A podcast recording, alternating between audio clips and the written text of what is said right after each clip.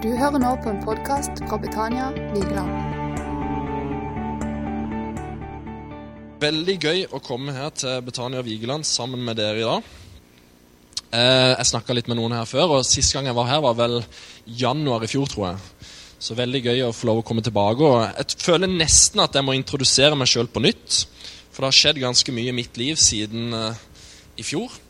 Vi fikk en liten en i mai i fjor, så han blir ett år nå neste måned. Og eh, vi kjøpte stasjonsvogn i fjor. Og jeg ble ferdig utdanna og begynte å jobbe. Så i fjor var på en måte mitt år inn i voksenlivet. da. Så jeg føler nesten jeg må introdusere meg på nytt overalt hvor jeg treffer folk. og sånn, For det, ja, nå er jeg liksom den voksne versjonen av meg sjøl. Men eh, det trives jeg med. Det er gøy og fint. Ellers, hvis du ikke kjenner meg, så er jeg United-fan. Yes, der kom det en tommel opp. Den liker vi. Um, jeg er veldig glad i sjakk. Over gjennomsnittlig glad i sjakk. og jeg er veldig glad i ski. Begynte å gå på rulleski for noen år siden og gikk C-slåen min nå i år. Og ellers så bor jeg i Mandal. Jobber som regnskapsfører. Og går i Oasen Mandal. da. Trives med det. Så der har du med hvis du ikke kjente til meg på forhånd. Så vet du litt mer om hvem jeg er. Yes, Et budskap som jeg har i dag Tittelen på det, det er 'Bevar hjertet ditt'. Bevar hjertet ditt. Og eh, Vi skal lese et bibelvers som Vi skal innom to bibelpassasjer. Men det første bibelverset som på en måte er eh, dagens bibeltekster, den finner vi i ordspråkene. Og Det er nesten samme vers som Torunn hadde her. Bare kapittelet etterpå, kapittel fire. Så jeg begynte å lure litt på om hun skulle ta det. Men, eh, men eh, det er ordspråkene 4 og vers 23. Det blir dagens bibeltekst. Så dere kan slå opp der sammen med meg hvis dere har med Bibelen. Eller så kommer det opp her ja. Så dere kan lese på veggen. Så vi leser det, og så tar vi en kort bønn for denne prekena. Der står det 'Bevar ditt hjerte framfor alt som bevares', for livet utgår fra det. Jesus, vi ber om at du skal komme til oss nå, Hellige Ånd. At du skal røre med våre hjerter. At vi skal få noe fra deg, Jesus, denne søndag formiddagen som kan være med å påvirke våre liv som dine disipler. Takk at du er her med din Hellige Ånd, og dette er en stund der, der Guds ord kan komme ut til mennesket. Ber om at du skal påvirke oss og gi oss det vi trenger. I Jesu navn. Amen. Min bestemor hun øh, døde i 2010. Og hun var ei klassisk bestemor. Jeg, jeg var veldig glad, glad, i bestemor, og jeg pleide ofte å være der hos henne på Vestnes i Mandal og klippe plenen osv. Og Vi var der ofte med familien, og jeg var der ofte bare og droppa innom hvis jeg var i området der. Og Min bestemor hun var ei sånn klassisk bestemor. Eh, hun hadde, var veldig glad i sånn Kongen av Danmark-drops. Vet ikke om noen av dere kjenner til de. Og sånn Camphors drops. Sånn oransje noen. Det hadde hun et sånt stort syltetøyglass av som sto på stuebordet. Og, så det var alltid mulighet for å få sånn twist og sånne ting. var alltid hos bestemor. Det kunne du alltid få der. Og Søstrene mine de var litt flaue for å spørre bestemor om twist, så de spurte alltid meg om jeg kunne gå og spørre. Sånn at jeg liksom ble den uh, twist-gærne fyren. Og En annen ting som var hos bestemor, da, det var at du kunne alltid få mat der. Og det var jo alltid deilig å komme til bestemor og bare bli proppa med mat. Men bestemor hun hadde én regel når det kom til mat. da. Og det var at hvis du først hadde tatt på tallerkenen mat, så måtte du spise opp. Det hadde hun en sånn regel på. Du, det var ulovlig hos bestemor å komme og ta til seg mat og sitte og spise, så kjente du at nå orker jeg ikke mer. nå dette bare hiver med resten som ligger på tallerkenen. Det var liksom ulovlig. Da måtte du sitte der til det var vekke. Det, det gikk ikke an. Og eh, det husker jeg bare at det var sånn eh, Det fikk man bare innprenta. Du, du, skulle spise opp det som lå på tallerkenen. Bestemor pleide å si det at tallerkenen skal være så slikka at du egentlig bare skal kunne sette den rett inn i skapet igjen når du er ferdig. Så, så slikka skal tallerkenen være når du er der og spiser. Og Det er jo ikke så rart egentlig at bestemor hadde en sånn holdning, for hun var jo gammel og var oppvokst under krigen, og sånn, og da hadde man jo ikke like med mat. Så hun hadde fått en holdning til mat som, som var at det spiser vi opp. For det er, ikke, det er ikke noe naturlig selvfølge at man har liksom nok mat til å bli mett. Så vi kan ikke drive og kaste mat. Det, det går ikke an.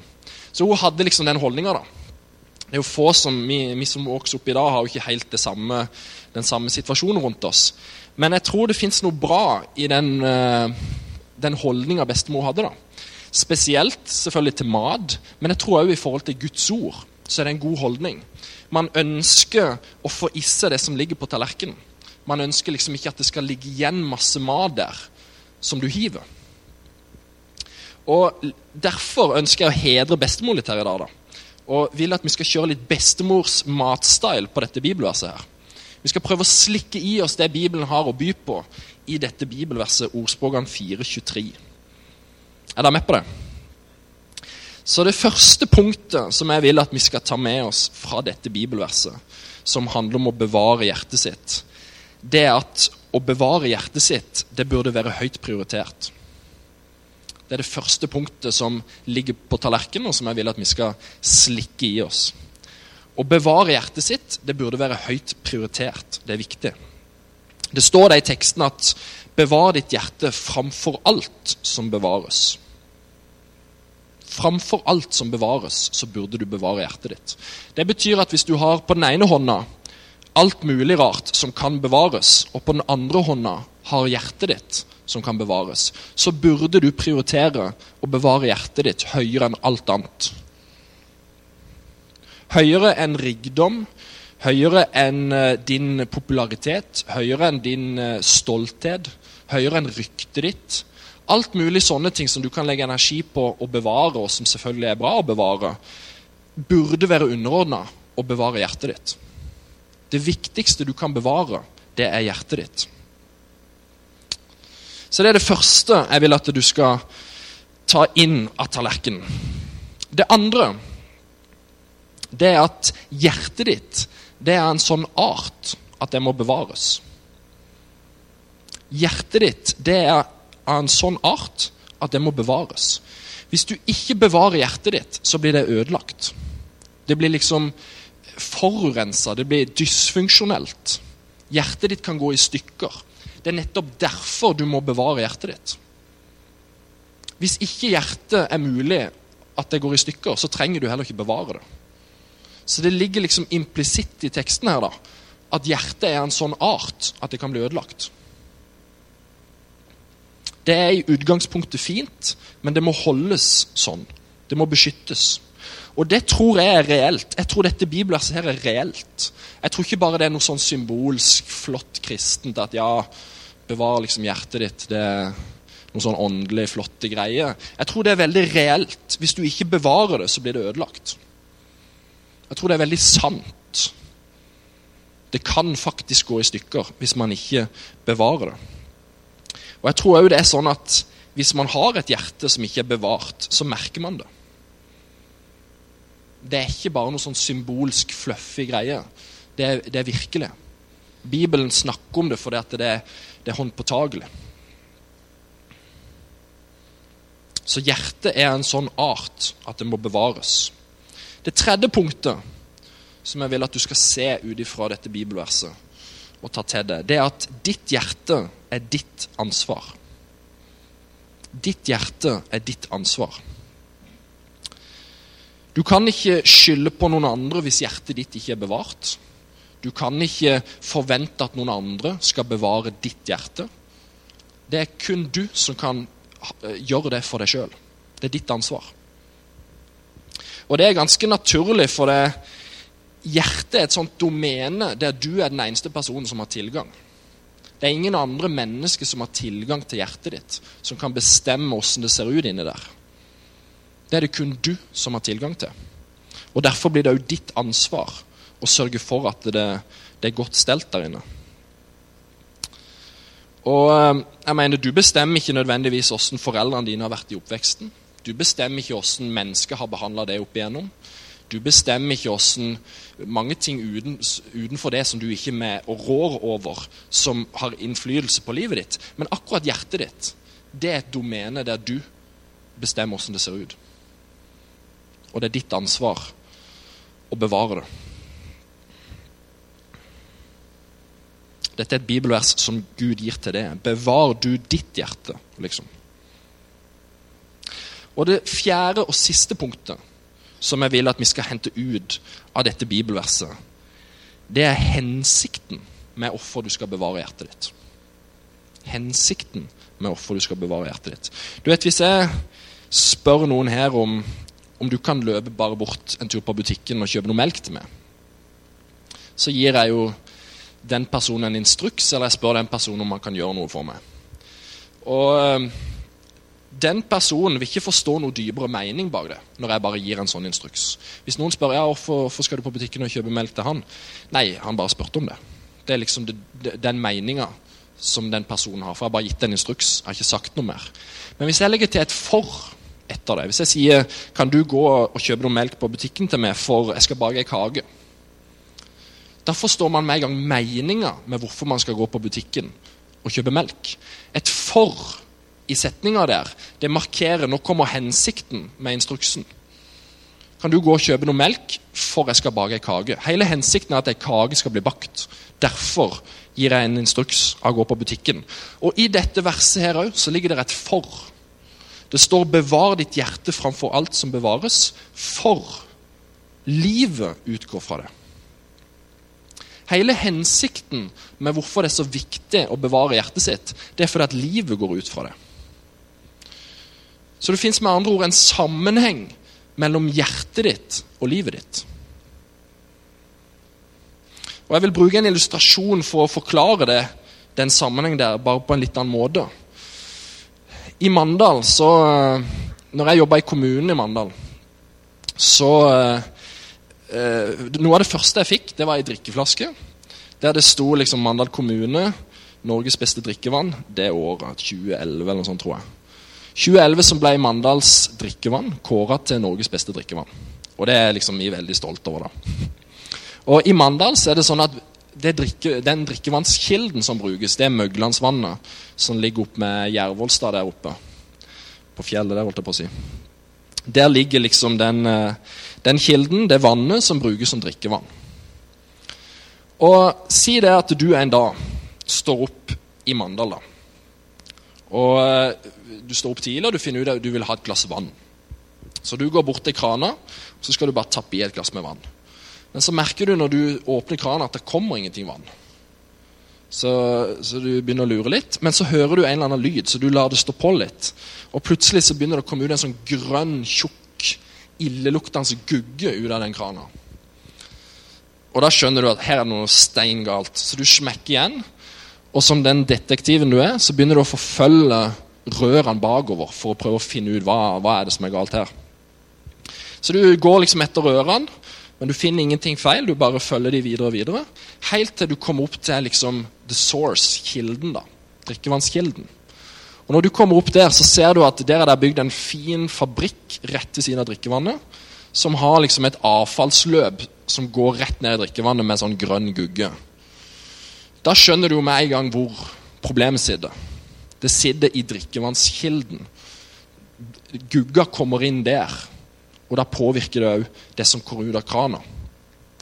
Litt samme sammenheng er det mellom hjertet og livet ditt som mellom drikkevannskilden og det vannet du har i krana. Hvis drikkevannskilden er forurensa, så blir òg vannet i krana forurensa. På samme måte som hvis hjertet ditt er dårlig, så blir òg livet ditt dårlig. Hvis hjertet ditt er ubevart, så blir jo livet ditt ubevart. Og Det er nettopp derfor det er så viktig at du bevarer hjertet ditt. For livet utgår fra det. Hvis du ikke får bevart hjertet ditt, så påvirker det livet ditt. Derfor er Bibelen så nøye på det her, at du må bevare hjertet ditt. Så for å si det på en annen måte, da Å bevare hjertet sitt for livet utgår fra det, så kan du egentlig si man burde bevare drikkevannskilden, for vannet i krana utgår fra det. Det blir en annen måte å egentlig bare si akkurat det samme på. Sammenhengen er helt lik. livet ditt utgår fra hjertet ditt, på samme måte som vannet i krana utgår fra drikkevannskilden. Og dette er jo fint og flott, da. Disse, dette bibelverset her er et av mine personlige favorittbibelvers. Bevar ditt hjerte framfor alt som bevares, for livet utgår fra det. Det forteller hvor viktig det er å bevare hjertet sitt, og det forteller litt rundt det. da. Hjertet kan gå i stykker. Men det er jo sånn at hvis, jeg, hvis, hvis du får en instruks om å bevare hjertet ditt, men du ikke vet hva du skal bevare hjertet ditt fra, da står du ganske tomhendt igjen. Du kan forstå hvor, at, det er viktig å bevare hjertet sitt, men hvis du ikke vet hva det er som truer hjertet ditt, da vet du liksom ikke okay, hva det skal bevare det fra. da. Hva er det jeg må passe på at ikke fins i hjertet mitt, som kan være med å ødelegge det? Hvis du ikke har noen idé om det, så kommer du ikke så mye lenger uansett. Så Derfor vil jeg at vi skal ta et bibelvers til som jeg tror svarer veldig praktisk på det spørsmålet. Hva er det du må bevare hjertet ditt fra? Og Det står i Markus kapittel 4. Og Der er det Jesus som holder en lignelse. Markus kapittel 4 og vers 14. Det er den andre bibelpassasjen som vi skal, skal se litt på.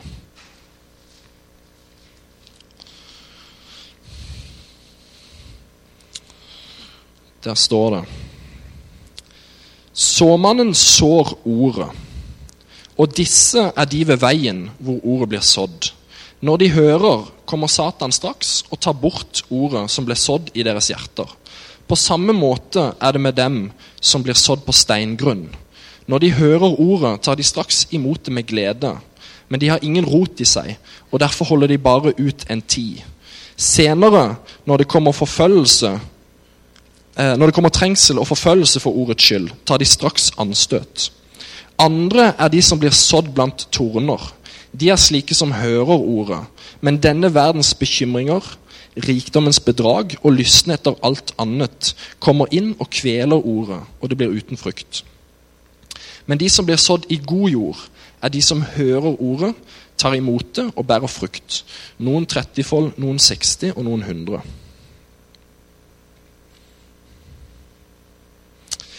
Disse bibelversene her, hvor Jesus kom opp med en lignelse om en såmann som sår i forskjellige scenarioer, tror jeg handler om fire forskjellige hjerter mennesker kan ha, som Guds ord blir sådd i.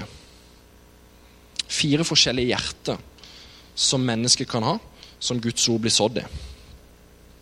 Og eh, tre av de hjertene, eller tre av de scenarioene, er dårlige. Veien, steingrunnen og tornene det scenarioet som man må bevare sitt hjerte fra å bli. Og det fjerde det er et positivt scenario å ha hjertet sitt i. Det er, det, det er den gode jorda. Så her tror jeg egentlig at Jesus forteller litt hva man må bevare hjertet sitt fra.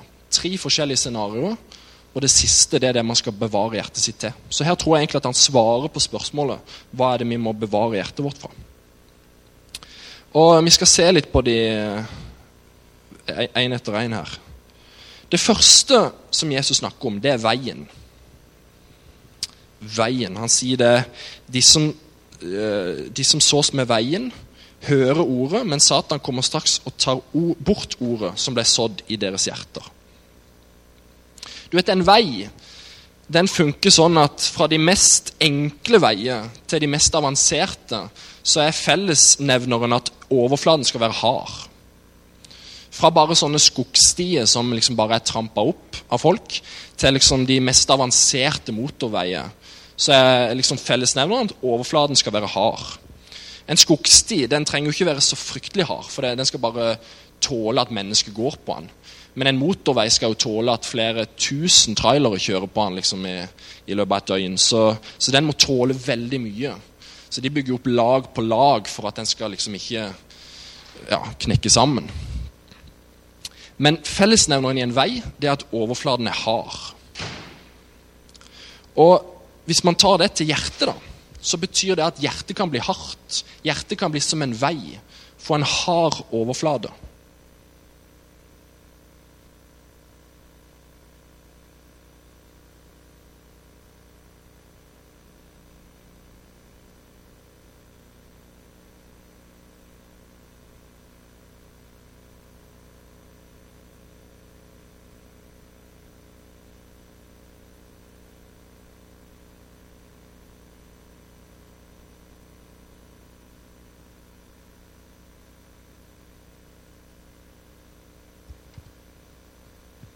Hører dere meg nå? Ja. Så veien, det, det første scenarioet, tror jeg det er det harde hjertet. Og det, Der tror jeg Jesus snakker om et bittert hjerte. Et hjerte som har blitt hardt, bittert. Det må man bevare hjertet sitt fra å bli. Og Hvis jeg skal definere bitterhet, så vil min definisjon på det være at bitterhet det er skuffelse som har vokst seg videre til hat, vrede og hevnlyst. Det er bitterhet. Skuffelse som har vokst seg videre. Og du vet Skuffelse det kommer vi alle som mennesker til å oppleve. Alle oss som sitter her, har opplevd å bli skuffa i livet. Og alle oss som sitter her, kommer til å, bli, til, til å oppleve i framtida å bli skuffa. I større eller mindre grad. Det er noe helt menneskelig. Er, sånn er det. Man har forventninger, man har ønsker osv., og, så videre, og så blir man skuffa. Man, man, har ting man går rundt og håper på. Så skjer kanskje ikke det, så blir man skuffa. Sånn funker livet. Til og med om man prøver å helgardere seg fra det da, og liksom aldri forvente noe, så kommer du alltid til å egentlig forvente noe på innsida av folk rundt og av ting og tang, og du kommer til å bli skuffa. Det, det, er umulig å gå gjennom livet uten å bli skuffa. Men du kan gå gjennom livet uten å bli bitter. Du kan gå gjennom livet uten å bli bitter. Skuffa det kan du ikke unngå, men du kan unngå å bli bitter. For bitterhet det er at skuffelsene vokser seg videre til liksom det neste nivået. da. Du kan se litt på det sånn som dette at skuffelse det er barnet, mens bitterhet det er den voksne personen. Da har det liksom vokst. For å bruke Pokémon, da. Nå er jeg ikke noe veldig Pokémon-entusiast, men jeg har skjønt litt av Pokémon-systemet. da. Du har liksom Pikachu, det er jo en veldig kjent Pokémon. Den lille gule som uh, spruter litt lyn og sånn. Pikachu han kan utvikle seg til å bli Raichu. Jeg har ikke peiling på åssen, jeg har ikke spilt så mye Pokémon. Men jeg har forstått at han kan utvikle seg til å bli Raichu. Da kan du egentlig si det sånn at skuffelse det er Pikachu, mens bitterhet det er Raichu. Bitterhet er liksom level nummer to, mens skuffelse er level nummer én. Og den som kjenner seg bitter, kjenner, føler på at man liksom har rett til å være sint. Man har rett til å liksom ville den andre noe vondt. For det som skjedde mot meg, det var så forferdelig. Det var så grusomt. Det var så urettferdig. Så jeg har rett å gå rundt og kjenne på hat. Sånn kjenner en person som er bitter. da. Men problemet er bare at det vender veldig tilbake til en sjøl. Det går veldig utover en sjøl. For hvis du ikke bevarer hjertet ditt, så går det utover livet ditt. Så hvis hjertet ditt har blitt en vei, bittert, så går det utover ditt eget liv. Intensjonen til den som er bitter, er jo at det skal gå utover noen andre, men det, det vender tilbake og går utover en sjøl. Og jeg tror det at hvis du skal du vet Man har jo sånn skoleg, der man, eller sånn lek der man har to stykker som står foran her, og så skal liksom man si 'gå og hente en sko'. Så løper de, og så henter de en sko, og så kommer de tilbake. Og så er liksom førstemann da. Jeg vet ikke om du har vært med på sånn lek noen gang. Hvis man skulle hatt en sånn lek, da, der man eh, Det blir jo ganske surrealistisk, men der man hadde sagt til de personene 'gå og finne en bitter person'. Eh, det blir veldig bare en illustrasjon. Men hvis jeg hadde vært den der som skulle løpt det blir, det blir, veldig rart, jeg skjønner det. Men uh, hvis, man, hvis, du bare henger med på bildet, så tror jeg man først burde lete blant eldre. Og Grunnen for det er helt enkelt at eldre har levd mye lenger enn yngre folk. Sjansen for at de har opplevd mange skuffelser i livet, er mye større enn for en yngre person. Det er jo selvfølgelig sånn at En ung person kan ha opplevd mye mer skuffelse i livet enn det en eldre person har. Det kommer helt an på fra individ til individ. Men en gammel person som har levd lenge, har jo høy sannsynlighet for å ha opplevd mange skuffelser. Og derfor har høy sannsynlighet for å kunne være bitter. Det er jo typisk sånn tegneserie og filmer at man har en gammel person som liksom er bitter. Ikke gå på plenen min, liksom. Hvis noen bare tråkker på plenen til personen, så blir liksom personen helt rasende. Man, man, har liksom en voldsom bitterhet. da. Og det vender veldig tilbake på deg sjøl. Jeg tror hvis man er bitter, så går det enormt mye utover det sosiale i livet. Det går enormt mye utover trivsel i livet. Din liksom raushet blir bare skrumpa inn. For hjertet ditt styrer åssen livet ditt blir. Så hvis ikke hjertet ditt er bevart, så påvirker det livet ditt. Og eh, hvis du har en vei og ønsker for den til å bli god jord, så tar du en plog og så pløyer du den opp. Du liksom løsner opp jorda, du river opp, sånn at jorda blir myk igjen. Da kan du begynne å, å, og, så ting der. For det gror jo ikke så mye på en vei, for det blir hele tida trampa ned. Så du, det kan ikke gro så mye på en vei. Og Litt det samme trenger man å gjøre med et hjerte som har blitt bittert. Man må få rivt opp det der. Man må tilgi personer. Det er måten å gå gjennom en, med en plog gjennom et hjerte som har blitt en vei. Det er å tilgi personer. Og uten å gå for mye inn på det, ta for mye sidesprang Men jeg tror at kanskje det største hinderet for at mennesket ikke tilgir andre, det tror jeg at man tenker at de fortjener det ikke. Det som ble gjort mot meg, var så urettferdig at jeg vil ikke gi dem tilgivelse. Det var så vondt, det som skjedde, så jeg ønsker ikke å gi dem noe liksom, aksept for det som skjedde. da. Man tenker at Hvis jeg, hvis jeg tilgir noen, så sier jeg egentlig at det var greit, det som skjedde. Det var ikke så farlig, liksom. Det, det gikk ikke så inn på meg. Mens kanskje sannheten er helt motsatt, at man kjenner det ikke veldig inn på, inn det. Men da har man misforstått tilgivelse. Tilgivelse er ikke å si at det som skjedde, var greit.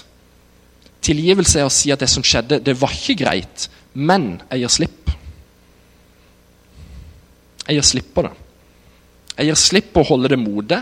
Jeg gir slipp på å, å, å ønske hevn. Jeg gir slipp på liksom raseriet mot det. Man gir slipp. Det er tilgivelse. Du sier ikke at det var riktig, det som skjedde. Du sier at det var feil, men du gir slipp.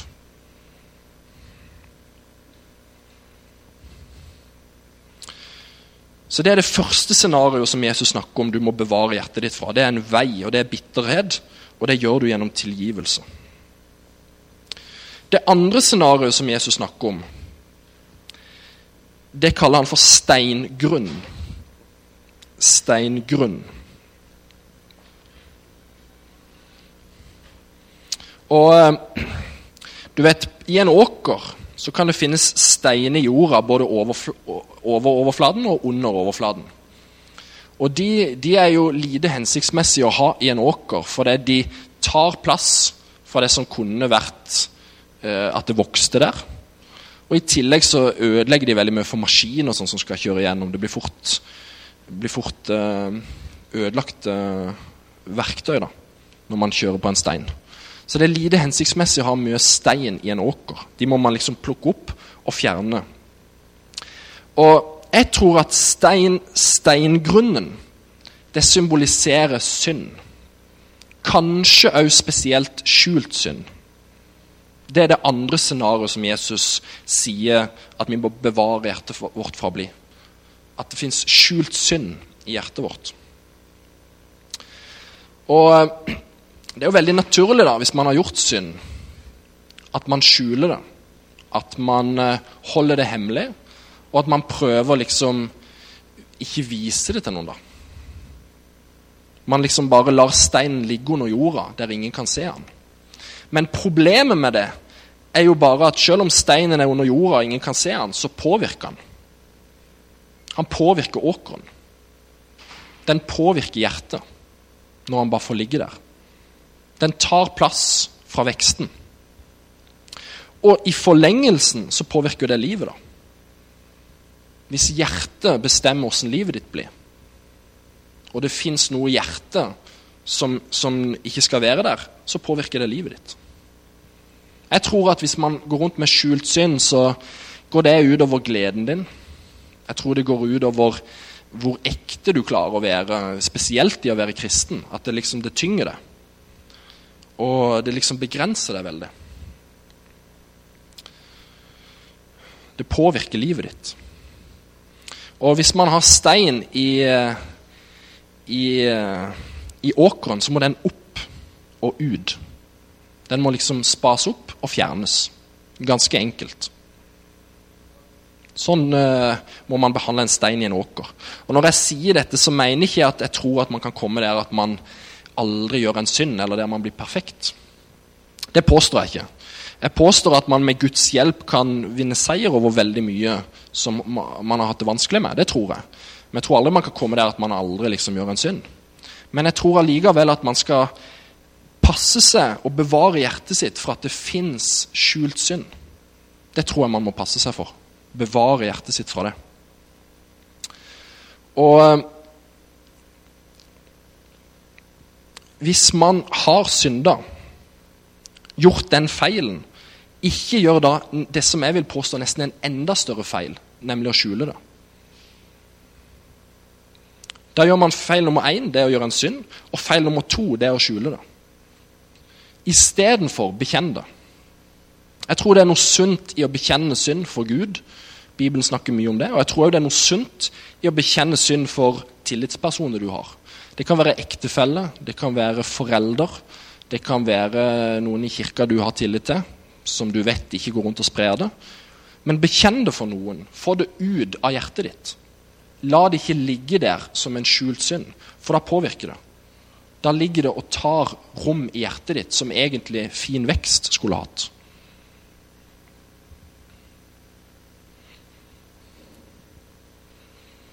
Så løsninga hvis hjertet har blitt steingrunn, det er bekjennelse og omvendelse. Du må våge å ta den skjulte synden opp. Og En ting som er veldig godt rundt det, det er at Gud blir aldri sint når du kommer og bekjenner synd for ham. Gud blir aldri sint når du kommer og bekjenner synd på ham. Jeg tror han blir mer frustrert over at du ikke gjør det. Han vet jo om det fra før av. Hvis Gud vet alt, så vet jo han om den skjulte synden uansett. Så jeg tror det frustrerer han mer at du ikke sier det, og at det får ligge der og påvirke livet ditt, enn at du kommer og sier det. Så det andre scenarioet du må bevare hjertet ditt fra, det er skjult synd, og det gjør du gjennom bekjennelse. Det tredje scenarioet som Jesus snakker om, det er torner. Det som blir sådd blant torner. Det er det tredje og siste scenarioene av de scenarioene som Jesus tar opp, som er liksom ugunstige for en åker. Da. Og Et annet ord for torne er egentlig bare ugress. Ugress. Og du vet, I de to foregående scenarioene, med både veien og med steingrunnen, så er det liksom selve åkeren og jorda som er, det er noe problematisk med. Men med ugress da er det ikke selve jorda og åkeren som er problemet. Da er det det som vokser der, som er problemet. Det som vokser der, er problemet.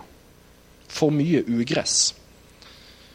For hjertet ditt, på samme måte som en åker, er sånn at det har et begrensa område der du liksom kan vokse noe. Så hvis ugress fins i en åker, så tar jo det en plass som egentlig man kunne hatt til det man ønsker å ha i åkeren. På samme måte er det med hjertet ditt. Hvis du har ugress der, så tar det plass fra det, du, det du egentlig ønsker å ha der. Det utkonkurrerer det du egentlig ønsker å ha der. Og Derfor tror jeg at ugress det er et bilde på dårlige prioriteringer. Dårlige prioriteringer. Det er ikke snakk om synd, det er ikke snakk om at det er noe direkte feil. Det er bare at det tar plass fra det som egentlig burde være der. Det utkonkurrerer det som egentlig er verdifullt i livet. Og um, ugress det funker jo sånn at det kommer til støtte stadighet. Vet ikke om du har en hage og prøver å holde orden i den. Da er det jo sånn at Støtte stadig så dukker det opp noe ugress som må luges. Og uh, Nå begynner vi å nærme oss sommeren, og det kommer snart tida for å liksom rydde litt i hagen og luge opp litt ugress. Og Da ser du at det vokser hele tida litt ugress rundt forbi. Så du er liksom nødt til å ta en runde av og til og luge opp. Du må liksom ha en sånn vår vår slash sommerrunde der du tar det hvis du ønsker å ha en fin, fin hage. Og Sånn er det òg med livet. Man, man, drar liksom seg etter hvert som man lever. Så bare drar man seg litt dårlige prioriteringer. Vet ikke om du har opplevd det. Livet går, og man liksom lever litt sånn som man kjenner for, og så plutselig merker man oi, nå, nå bruker jeg mye tid på noe som egentlig ikke gir meg så mye. Noe som egentlig ikke er så verdifullt. Og da trenger man av og til med jevne mellomrom å ta en sånn runde der man luker litt ugress. Der man tar og gjør litt omprioritering i livet. Kanskje du kjenner at nå har mye tid med ektefellen falt bort. Kanskje du kjenner at nå, nå har jeg fått veldig lite tid med barna. Kanskje du kjenner at nå, nå kirka og Gud kommer veldig langt bak i rekka.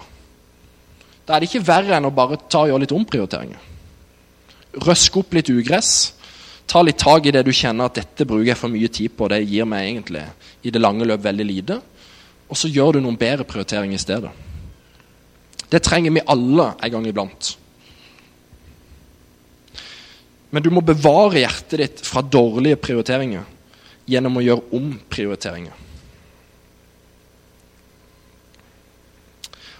Så det var det tredje scenarioet. Og Så hadde du det fjerde. da. Det scenarioet som Jesus vil at vi skal bevare hjertet vårt til å være. Og det er god jord. Han sier det i vers 20. Men de som blir sådd i god jord, er de som hører ordet, tar imot det og bærer frukt. Noen 30-fold, noen 60 og noen 100. God jord. God jord den er myk, den er ikke hard som en vei. God jord er uten steiner, og god jord er uten ugress. Hvis du har en åker som inneholder de tre tingene der, da har du veldig gode forhold til å kunne få god vekst. Det er god jord. Og Det betyr at du er perfekt hvis du har et sånt hjerte. Det betyr langt fra at alt er 100% på stell, men det betyr at du tar ansvar for å bevare hjertet ditt. Disse tre tingene tror jeg man er nødt til å passe seg for. Bitterhet, skjult synd og dårlige prioriteringer er man nødt til å liksom ta tak i for at hjertet skal bli bra, og at i forlengelsen at livet skal bli bra. Så egentlig ønsker jeg å avslutte med det samme bibelverset som jeg begynte med, ordspråkene 4.23. Og lese det. Og så skal jeg bare si det på egentlig et par andre måter, som egentlig sier akkurat det samme, bare ut ifra det vi har vært gjennom her i denne prekena. Ordspråkene 4.23. Bevar ditt hjerte framfor alt som bevares, for livet utgår fra det.